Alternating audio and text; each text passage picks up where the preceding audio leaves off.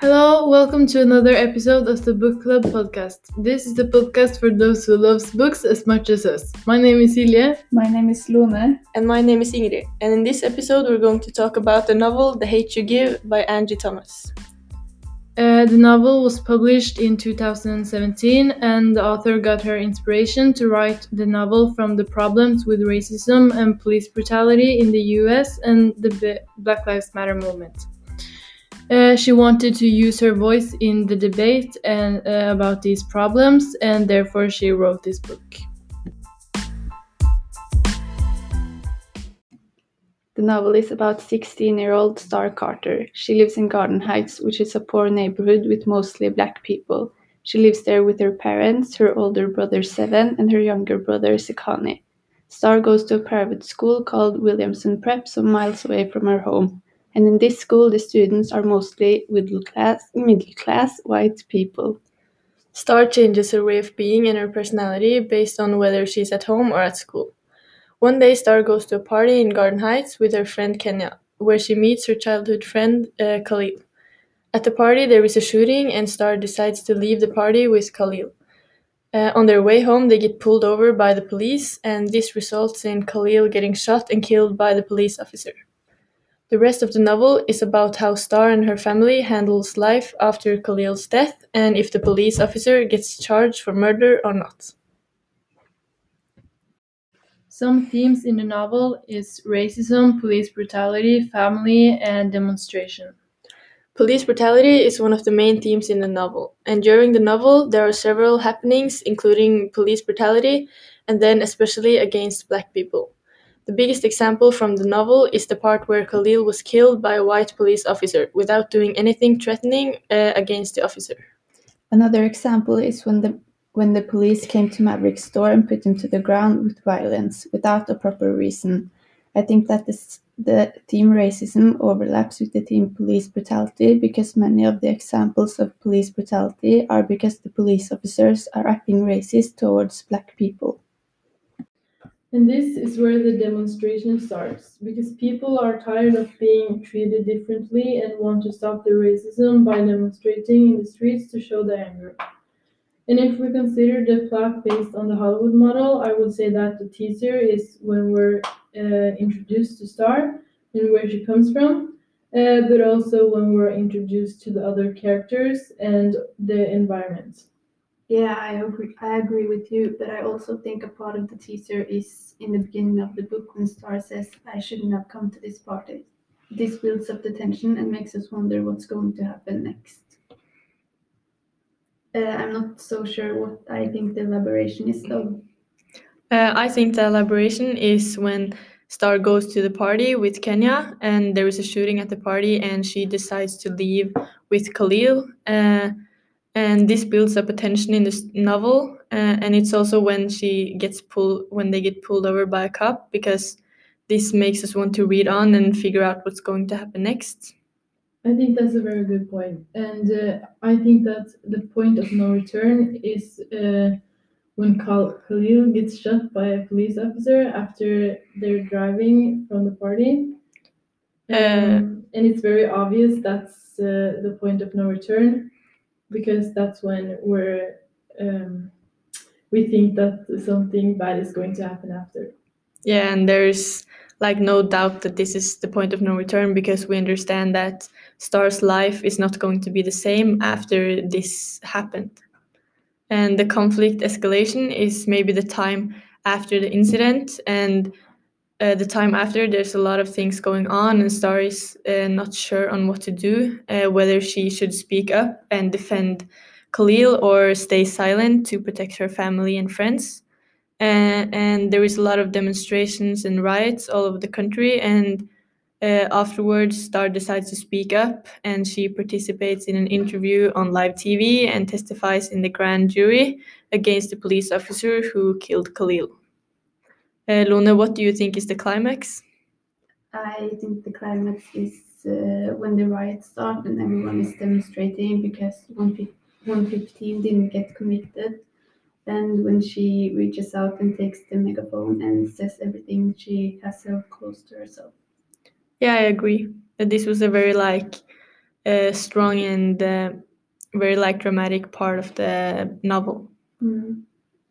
And the resolution, I think, is when uh, King got arrested, and also when they moved to another neighbor neighborhood in uh, the end of the novel.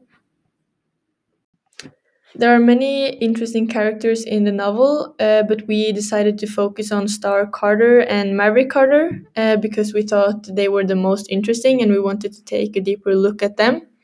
Uh, if we start off with Star, she's a teenager who lives uh, a life which is a bit different from others because she lives like two different but parallel lives uh, one at home in Garden Heights and one at her school, Williamson Prep.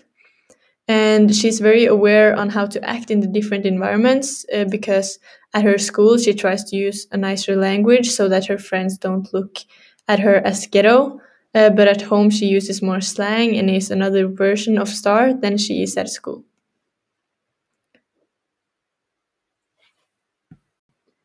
I think Star has a very interesting personality, not only because of her two personalities, but uh, because of everything she's she's experienced. During her childhood, uh, her friend Natasha died, and now Khalil has died too. She is very traumatized because of these two happenings, and she has chosen to uh, keep a lot of her thoughts close to herself and not uh, express herself a lot. As we get further into the story, Star learns what is important to her and starts to express her opinions. She gets more and more brave. Because she evolves so much during the novel, I would say that she's a dynamic character.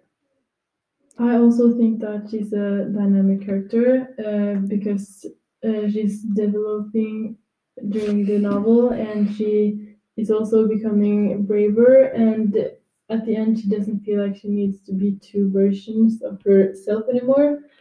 Um, and one scene in the novel that i thought was very interesting was when we saw that star's friend haley seemed to have some racist uh, opinions about the police shooting and khalil's death um, which makes Star really upset and makes her grab her hairbrush and threatens her to hurt her with it uh, although it's not dangerous. And Star was just trying to show how the situation with Khalil was really wrong and unfair. Uh, yeah, I agree with that with your opinion that Star is a dynamic character because she changes a lot, and in the beginning she uh, didn't have the courage to speak up, but after a while she changed and became very brave and confident. Uh, and one example of this was something that Star said in the interview uh, when the interviewer asked Star uh, what she would say to the officer uh, if he was there with her, and then she answered, "I'd ask if he wished he shot me too." And this is a, a quote from the novel that I think was very uh, that described how the Star had changed through the novel. And uh, do you think Star is a round character?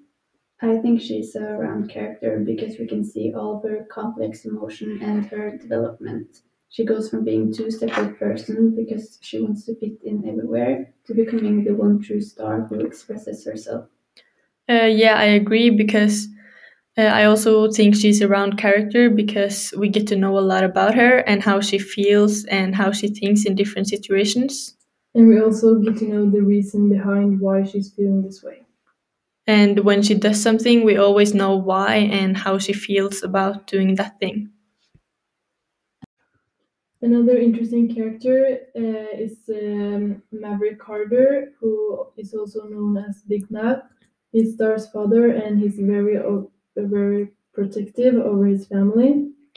Uh, yeah, he's very like caring and always puts uh, everyone in front of himself, and family is very important to him. So he does everything to protect them. Uh, and I think that uh, Maverick is a flatter character than Star because we don't always get to know why he does the things he do. Uh, and but on the other hand, I believe that he's a dynamic character uh, because in the beginning he didn't want to move from Garden Heights, and even though it was dangerous for his family to live there, and he did not want to change his opinion very easily.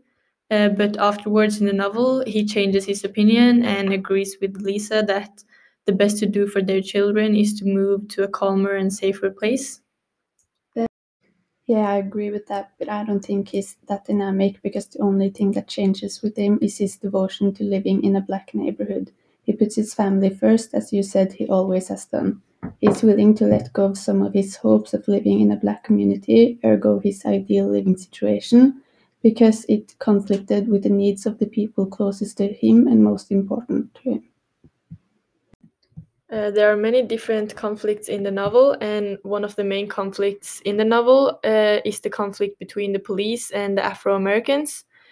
Uh, and in the novel, this conflict resulted with Khalil getting killed by a white police officer. Yeah, and I think we can connect this to Amer- to the American society today because they recently had a very similar situation with George Floyd.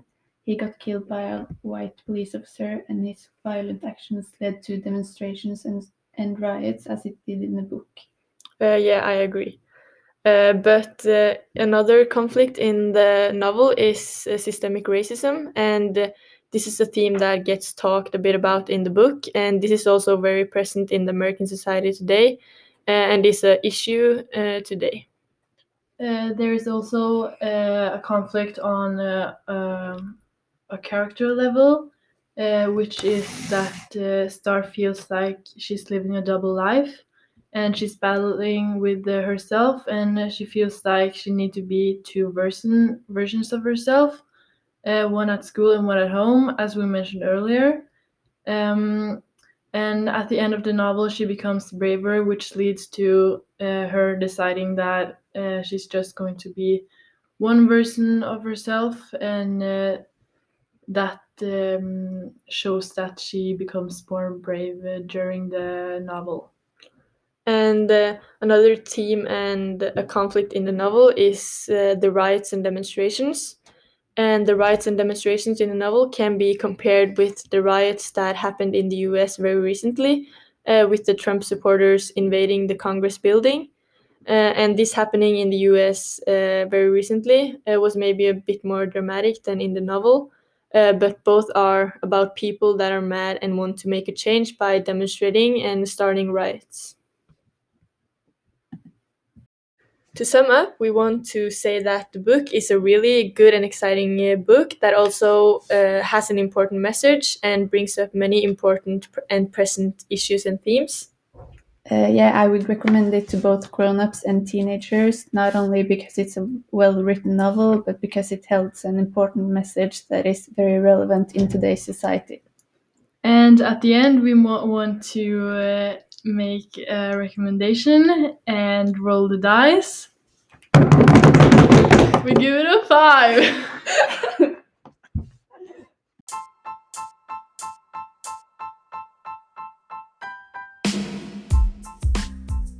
We hope you all got the inspiration to go home and read a book and hopefully read The Hate You Give. Thank you for listening and see you next time in the other episode. Bye. Bye.